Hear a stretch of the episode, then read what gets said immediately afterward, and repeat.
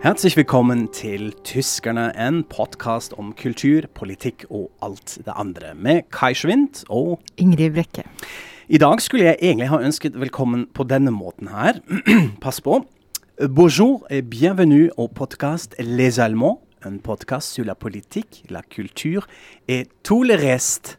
Fordi vi har en gjest som er fransk, nemlig Laurelot Desjardins. Hallo. Hei. Salut.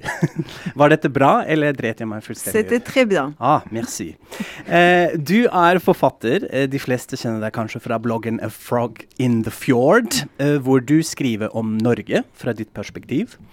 Og I dag har vi veldig lyst til å snakke om det, altså ditt perspektiv på Norge, men også litt om forholdet mellom Tyskland og Frankrike, som omtales jo ofte som ganske sentralt når det gjelder f.eks. EU. Men det har også vært en ganske spesiell forhold, på godt og vondt, eh, mellom de to landene våre. Men heldigvis har vi jo Ingrid her, som eh, sitter mellom oss, og som skal være litt nøytral og megle hvis vi Ja. begynner å slåss eller Jeg er bli stygge til hverandre. Men først, spørsmålet som alle innvandrere får. Hvorfor kom du til Norge, Lorlo? Em, jeg kom til Norge i slutten av 2009, og det var fordi jeg hadde funnet en jobb her. Um, jeg må si at jeg hadde ingen drøm, for å være helt ærlig, å komme til Norge. Eh, jeg bodde da i Danmark, og det var allerede ganske mørkt og grått for meg som kommer fra Sør-Frankrike. Eh, men jeg hadde en veldig god jobbmulighet her i Norge, og så tenkte jeg nei, dette blir midlertidig. Jeg trenger ikke å integrere meg, trenger ikke å gjøre noen, noen innsats. Dette blir kjempemidlertidig. Um, men jeg på en måte ble forelska i landet og i folket. Jeg lærte meg språket, og så fem år senere skjønte jeg at midlertidig var kanskje litt tok litt mer tid, og så nå har jeg vært her i nesten ti år. Mm. Og har ingen plan å dra igjen til noen som helst sted. Ja, så Nå er du jo integrert, vil jeg si. nå er jeg kjempeintegrert. Ja. Absolutt. Men kan du si litt om eh, bloggen din? Hva skriver du om? Er det noe som skaper spesielt uh, sterke reaksjoner her i ditt nye land? Ja, så min jobb er uh, å jobbe i miljøorganisasjoner. Jeg er jurist i internasjonal lov og uh, menneskerettigheter, og jobber veldig mye med Asia. Ehm, så bloggen min kom bare i tillegg. Jeg hadde veldig lyst til å skrive. Jeg har skrevet hele mitt liv, Um, bare for meg sjøl, eller for andre rundt meg, men veldig få mennesker. Og så plutselig skjønte jeg at det var så mange ting med den norske kulturen som jeg ikke forsto, eller som jeg plutselig forstå. Jeg tenkte kanskje det kan hjelpe en annen person. Eller kanskje jeg kan dele min frustrasjon over noe som jeg ikke forstår med en annen person. Som også hjelper, hjelper andre personer. Frustrasjon, eller sånn bonding over felles frustrasjon, det hjelper masse. Ja, men jeg må si at jeg hadde ingen plan. Det samme som å flytte til Norge. Jeg trodde ikke at noen som helst skulle lese det jeg skriver. Så jeg, jeg skrev først og fremst for meg sjøl. Eh, og så hadde jeg veldig få følgere i noen måneder, eh, til jeg skrev en, eh, et blogginnlegg som heter 'The Joys of Being a Woman in Norway'. som ble viralt i USA og i Norge. Ah. Og da fikk jeg stor panikk, fordi jeg fikk plutselig e-poster fra NRK og Aftenposten i innboksen min. Jeg skrev anonym fordi jeg hadde mange møter med ja, Norad, eh, Miljødepartementet, sånne veldig mm, høflige inst institusjoner i Norge, og tenkte at hvis jeg begynner å skrive under mitt navn om dating i Norge, eh, blir det ikke sett som veldig profesjonelt. Um, Kunne jo hende du bare ble sett på som veldig fransk, da. Jeg vet ja, jeg, jeg skjønte etter hvert at det ikke var så problematisk. Og faktisk min første kronikk som ble publisert uh, i Aftenposten, uh, skrev jeg under et annet navn. Uh, og det var veldig kontroversielt, fordi Aftenposten skjønte ikke hvorfor jeg ville bli anonym når jeg ikke hadde Jeg var ikke i fare. Det var ingenting. Jeg bare bodde et sted i Oslo og hadde et helt vanlig liv. Hvorfor skulle jeg være anonym?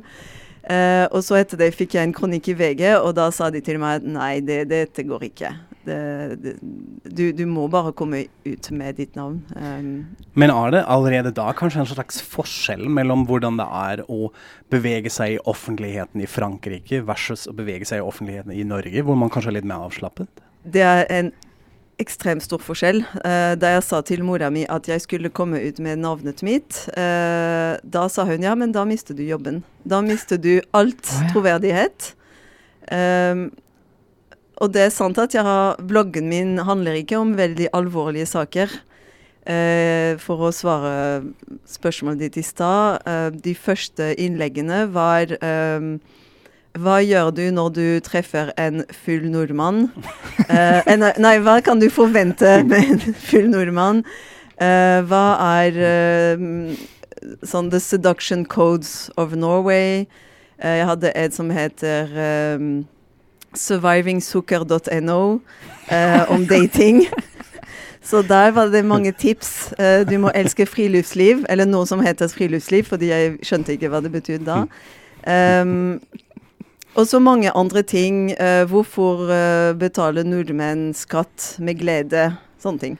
Ja, um, så i Frankrike er det ikke sånn at du kan ha en veldig uh, ja, du, du, kan ikke skrive om sånn lette ting ja. og bli tatt mm. på alvor på jobb.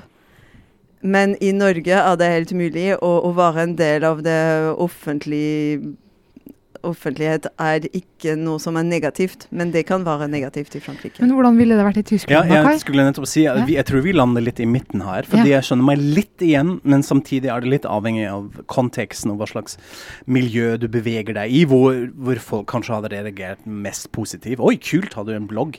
Så jeg tror det hadde fungert òg.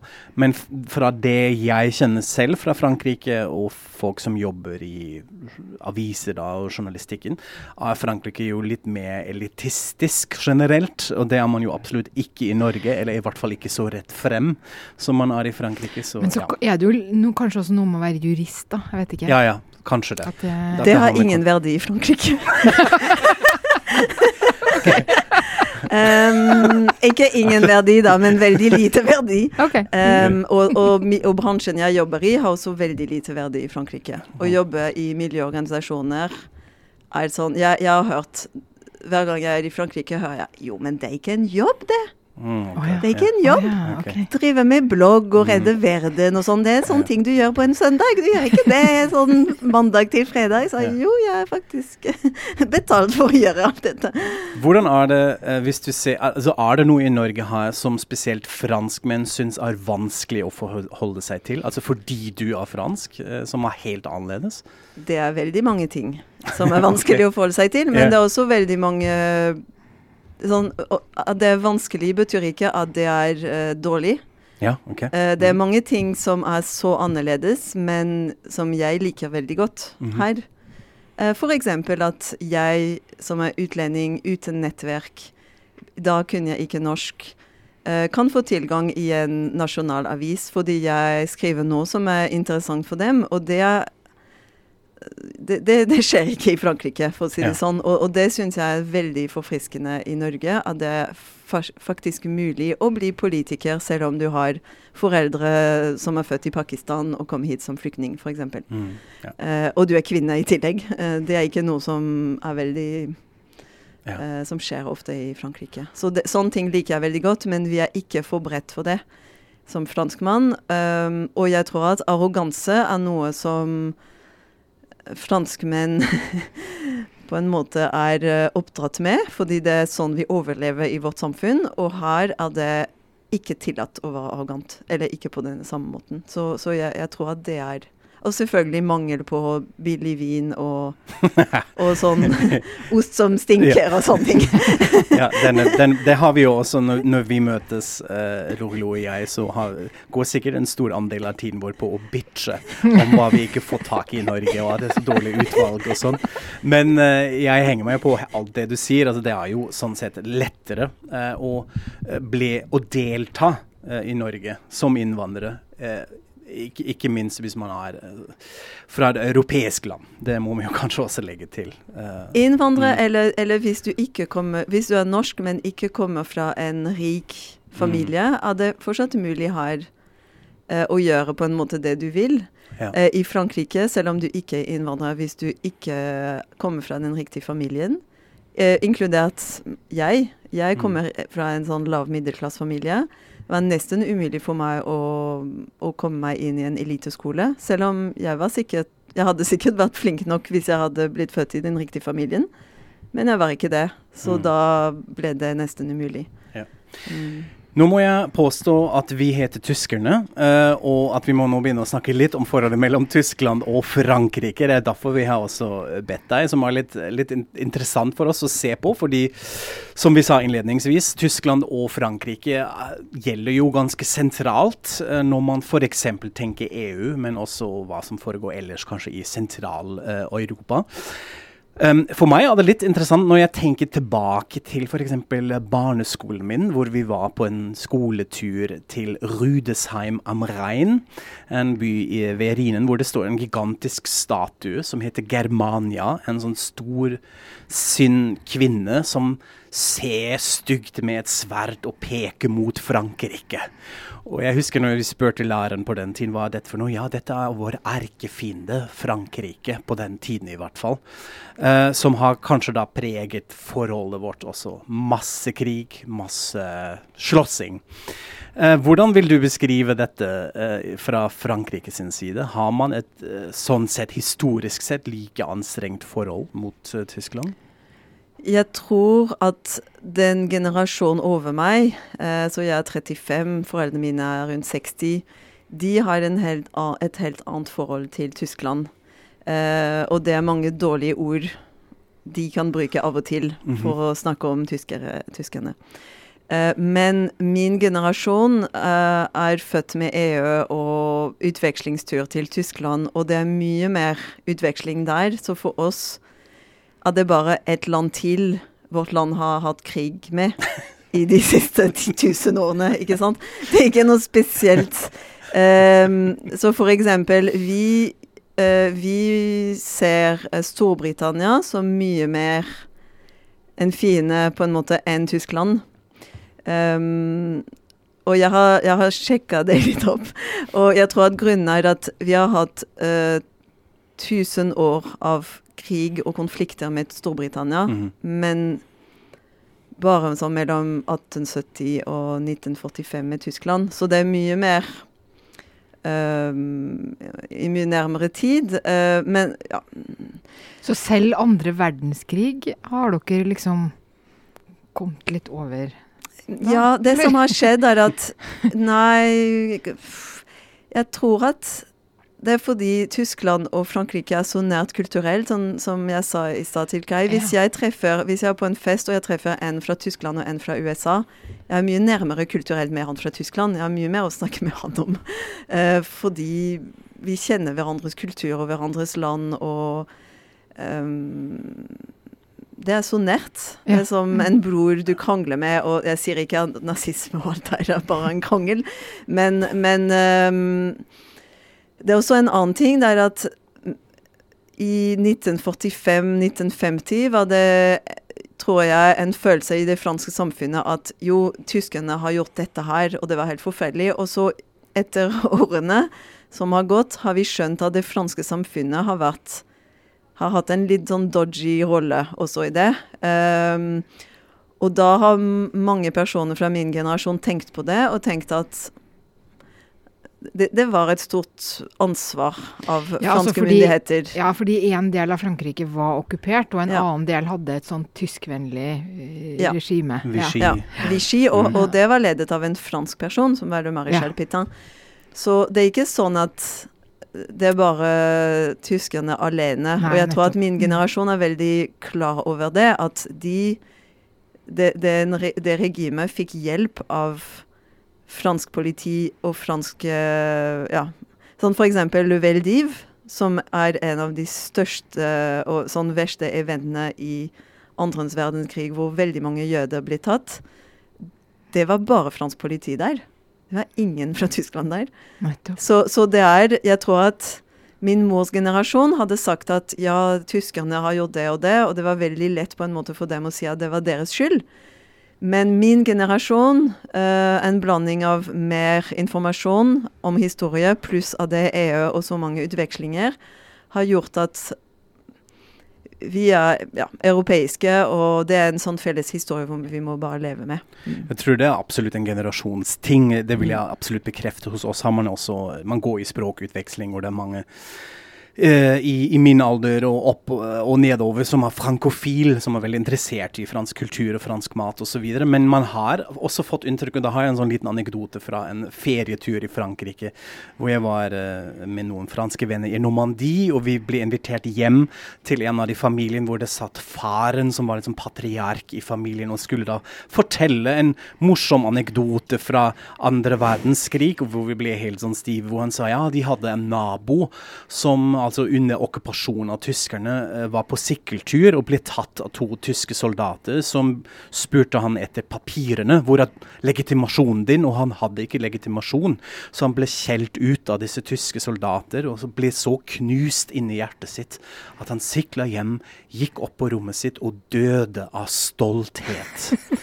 Og vi var litt sånn helt satt ut. Eh, og det syns han var en sånn flott, fin anekdote. Og, og alle var selvfølgelig i motstandsbevegelse eller resistans og alt det der. Så jeg har en sånn følelse at dette er veldig preget av generasjon og den umiddelbare reaksjonen på krigen som mange hadde litt sånn opplevd selv, men at vi har et litt mer eh, opplyst forhold. Og så det er en annen ting, det er at den sånn mørke historien til Frankrike stopper ikke i andre verdenskrig. Det er uh, Algeria-krigen etter det. Det er uh, alle sånn uh, dekoloniseringskrig. Det er mange ting som har skjedd siden 1945. Så vi er tatt med mange andre problemer ja. med vår egen historie og vår Ja, det er ikke Tyskland er ikke så sentralt, hadde jeg sagt i dag. Nei, men likevel så er det noe sånn at uh, i Europa og i EU så tenker man jo på Tyskland og Frankrike som selve sentrum. Og nå i, i nyere tid så tenker man kanskje også en slags akse med Polen på den ene siden, Tyskland, Frankrike som litt sånn Hva som skjer der, er det som uh, avgjør. Og jeg tenkte jeg skulle bare fortelle uh, en liten uh, min egen lille anekdote. Fra uh, da jeg var uh, korrespondent i Berlin, og det var under eurokrisen. Og da var det jo Merkel og Sarkozy. Og de ble jo kalt for Merkozy, i hvert fall av noen av oss. I hvert fall i noen tyske aviser. Mm -hmm. fordi de var så veldig veldig mye sammen og snakka og snakka og snakka, for de skulle jo løse denne eurokrisen. da. Eh, og da eh, var jeg på en pressekonferanse sammen med verdenspressen, og vi satt og venta og venta. De skulle komme inn. Så sto det to sånne stativer som er litt sånn som sånn notestativ, sånn talestoler. Og først så kommer det da eh, inn en eh, elegant, slank mann i sånn kritthvit uniform med gullepoletter på skuldrene sånn, og skrider fram til den ene stolen og legger noen papirer der. Og så kommer det en uh, middelaldrende, litt overvektig kvinne i sånn litt for trang drakt og veldig stor, stor hårtopp, og legger noe på den andre talerstolen. Og da skjønte vi hvem som skulle stå på hvilken talerstol. Og sånn var det. Og da kom Sarkozy selvfølgelig til den uh, elegante og snakka masse, mens Merkel står ved siden av og nikka. For det var jo også litt sånn, de hadde en slags rollefordeling. Mm -hmm. Alle visste at Merkel bestemte, men det var jo Sarkozy som trengte å briljere, så han ja. fikk jo alltid snakke. Mens Merkel eh, nikka. Og dette var jo et par eh, på en måte da, en stund. Ja, og det er jo ganske avgjørende, egentlig, kan man si, hvis vi ser på historien etter andre verdenskrig, dette forhold som disse statsoverhodet har. Altså Adenau og de Gaulle, eh, eller etter hvert Kohl og Mitterrand, eh, som, som, som, var på sin måte definerer dette fransk-tyske vennskapet. Og så har vi stakkars Angela som må deale med disse alfamails eh, med Sarkozy, og i dag med Macron. Uh, han må jeg innrømme er fortsatt litt av en gåte uh, til meg. Uh, fordi han Det virker som han ble valgt som et slags ja, Vi vil ikke ha Marine Le Pen, så alle stemmer for Macron. Men at man etterpå hadde ja, en liten sånn Det man kaller rude awakening på engelsk. Altså nå har vi stakk med han. Kan du forklare Macron til oss her? Hva, hva slags type er han? Hva står han for egentlig? Jeg skal svare på det spørsmålet, men jeg skal bare si først om det du sier om uh, Merkel og Sarkozy, eller sånn den alliansen i EU. Jeg tror at for oss i Frankrike er det veldig klart at EU var en måte å ikke ha krig lenger. Mm. Og da må vi alliere oss med Tyskland, og sånn blir det. Nå må vi bli venner. Og det er det, det, vi ble sånn hjernevaska med som barn. Eh, og derfor, eh, og, og, jeg tror at mange i politisk verden i Frankrike skjønner at den alliansen med Tyskland gjør at vi har makt, på en måte. Så, så det er noe som skal, tror jeg, fortsette eh, i noen år. Men uh, for å svare på spørsmålet ditt, jeg tror ikke at Macron har blitt valgt inn bare fordi han var alt et, sånn, et alternativ til Marine Le Pen vi kunne leve med. Uh, jeg tror at han representerte også et stort håp for veldig mange personer uh, av min generasjon og litt yngre og litt eldre, og tenke at endelig en person som er på vår alder, som forstår verden, som kan engelsk, um, yeah, som ikke sant? Han er mye mer moderne enn f.eks. Francois Fillon, som var også i de kandidatene som er sånn lever i middelalderen. Vi, vi, kunne ikke ha en sånn person som president, hvis du spør meg, da. Um, så jeg tror at det, det, ikke var bare at ja, at det var et uh, grei alternativ mm -hmm. til Marine Le Pen. Um, og så var det en annen ting. det er at Han har aldri vært i politisk konflikt med noen av de etablerte partiene. Mm -hmm. og, og, det betyr at det er mange uh, eldre politikere, spesielt menn, som har hjulpet ham å komme seg videre. Mm -hmm. uh, Istedenfor å se ham som en, fin, en sånn historisk fiende. Okay. Mm -hmm. Men Eh, de har jo ikke fått helt dreisen på det her Merkel-Macron-forholdet, kan man jo kanskje si. Da. Det begynte jo Altså, jeg har lest en, eh, en analyse som sier at i, om mange år vil man kanskje si at EUs sammenbrudd begynte for alvor etter at eh, Macron hadde kommet med sine visjoner, mm -hmm. og så fikk han ikke noe svar. Fordi at da eh, hadde det vært valg i Tyskland, og i stedet for at man da fikk en ny regjering som tok grep, så ble jo Tyskland bare opptatt av seg selv, og så brukte de et halvt år på å lage en regjering. Og så kom det fortsatt egentlig ikke noe særlig svar. Mm -hmm. Og så har det egentlig nesten ikke skjedd noe på den fransk-tyske arenaen før eh, ganske nylig, kanskje, hvor man fikk en eh, oppdatert en sånn fransk-tysk avtale og fikk feira litt og sånn. Men at det faktisk egentlig er veldig alvorlig. Og, og for, for, EUs fremtid og litt sånn grunn Altså, man er venner og, og tar flotte bilder sammen med hverandre og sånn, men man, man, klarer Man har for mye å holde på med i hvert sitt land, kanskje, til at man klarer å, å ha det derre eh, samarbeidet som, som, liksom gjør noe særlig inntrykk.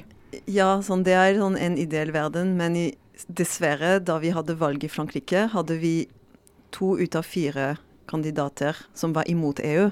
Ja. Ikke sant? Så, så, vi kommer fra et helt annet perspektiv, hvor vi så på det valget så vi Frankrike som kommer ut av eurosonen. Uh, og jeg var uh, her i Oslo, og jeg var på ambassaden uh, for å stemme. Og jeg husker at siden jeg har bodd her i så mange år, har jeg stemt mange ganger på fransk ambassaden i Oslo for fransk valg. Og det, jeg valgte et tidspunkt som var sånn rolig tidspunkt om dagen for å stemme. Sånn, det tidspunkt hvor det ikke er så mye folk. Og jeg måtte vente i to og en halv timer ja. i kø i den bakgården til ambassaden, og ingen klaga ett sekund. Fordi vi skjønte at dette er ikke om sånn vi håper at dette går bra, og de har et godt forhold med, mellom den nye presidenten og Tyskland, eller mellom det og det. Vi skjønte at vi risikerte der og da å ha en sånn enten Trump-situasjon eller brexit-situasjon, eller begge deler samtidig. Mm. Og da hadde vi sånn, vært i veldig stor Mye større problem enn vi er nå. Um, sånn at med, med dette i, i, bakhodet, da, når man lever i Frankrike i dag, eller er fransk i dag, så tenker man at det tysk-franske forholdet det er faktisk helt strålende?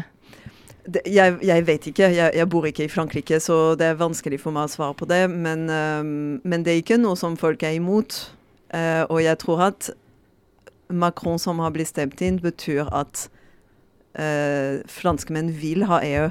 Mm. Om det er et perfekt løsning, kanskje ikke, men det, det er i hvert fall et signal til det. Um, jeg vil støtte det også fra et tysk perspektiv, og så har det kanskje igjen en sånn generasjonsting.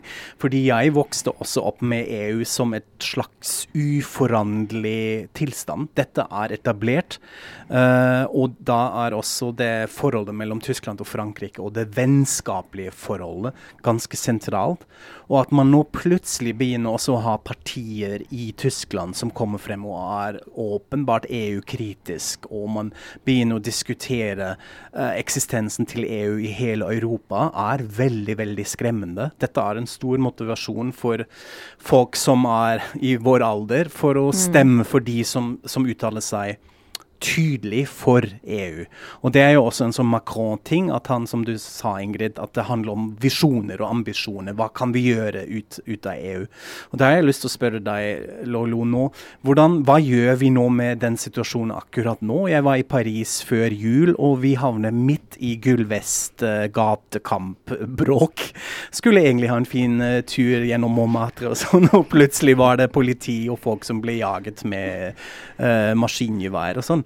Eh, hvordan må vi forstå dette? Er det noe som Macron ikke har sett? Er de nå anti-Macron, eller, eller, hva protesterer de imot? Hvem er dette? Um, jeg tror absolutt at det er noe Macron ikke har sett. Uh, jeg er personlig ikke en veldig sånn Macron-venn. uh, jeg syns at han er bedre enn Marine Le Pen, selvfølgelig, og bedre enn François Francois Fillon eller Alain Juppé, som var kandidat og som ble tatt for korrupsjon for mange år siden, uh, og som kommer tilbake som kandidat for presidensen, som jeg syns er helt hårreisende.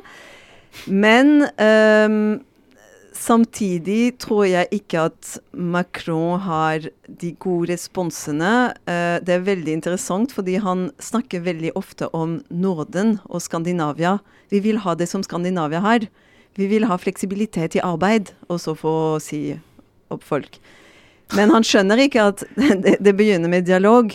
Og når du har tusenvis av personer som demonstrerer hver lørdag, når de har fritid, og de kunne gjøre masse andre ting, må du høre på dem. Uh, men responsen nå er å ha en lov som gjør at det blir mye mer vanskelig å demonstrere. Uh, det kan muligens bli ulovlig. Um, og, og, og, det er sånn han Jeg tror ikke at han skjønner dynamikken, og jeg er veldig bekymret noen ganger at hans respons på det opprøret gjør bare at det blir verre og verre, og at muligens vi ender opp med uh, ytre høyre på neste valg. Altså Det har kommet en, en lov nå under disse gulvestdemonstrasjonene som delvis forbyr og kanskje helt ja. forbyr demonstrasjoner. Og det er noen i, ah. det er noen i uh, partiet til Macron, eller bevegelse som det kalles, som har faktisk sagt opp uh, sitt medlemskap i partiet ja. fordi de mener at det er feil. Så jeg tror at det begynte med et stort håp, uh, og nå er han fanget med veldig mye makt. Uh, det er uklart hvor mye uh, han snakker med andre, med sivilsamfunn og med fagforeningen. så f.eks. nå, i den gullvesteropprør, har hans beste rådgiver vært Nicolas Sarkozy. okay. så det har vært litt problematisk for noen av oss, da. Det er um, kanskje det tydelige, litt sånn neoliberalistiske preget som han har. At han beveger seg mye med i den retningen, at folk på gaten er egentlig hadde ja, håpet at det blir mer sosialistisk venstrepolitikk. Ja, og at, han, og at, han, ikke så dette komme, uh, og mm. at han ikke hadde svar. Og i begynnelsen ville han og statsminister ikke svare på opprøret, og så ble det så stort at de ikke hadde noe valg. Mm.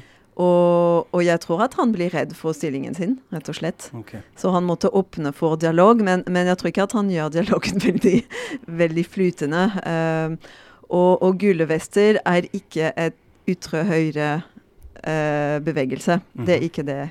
Uh. Det er en veldig blandet gruppe. Mm -hmm. med mange forskjellige personer fra mange forskjellige sosiale klasser, forskjellig alder som vil forskjellige ting, men som er veldig lei av systemet som det er nå. Og jeg tror ikke at det begynte med Macron, det er et system som har vært der i flere mange, mange år. Eh, 30 år, kanskje, og, og, som folk er veldig lei av. Så, så det, det, det, er bare Macron som fikk den på en måte. I ansiktet. Mm. Det blir spennende å følge mer eh, på akkurat der. Også hvordan kanskje det tysk-franske forholdet blir påvirket av nettopp denne protestkulturen. Det er jo kanskje litt sånn ulike tilnærmingene når vi ser på den type protestbevegelse som, som vi ser, så det skal vi følge med. Men jeg er også litt optimistisk at uh, det tyske og franske forholdet egentlig kommer til å bestå. Og jeg er veldig opptatt av kultur.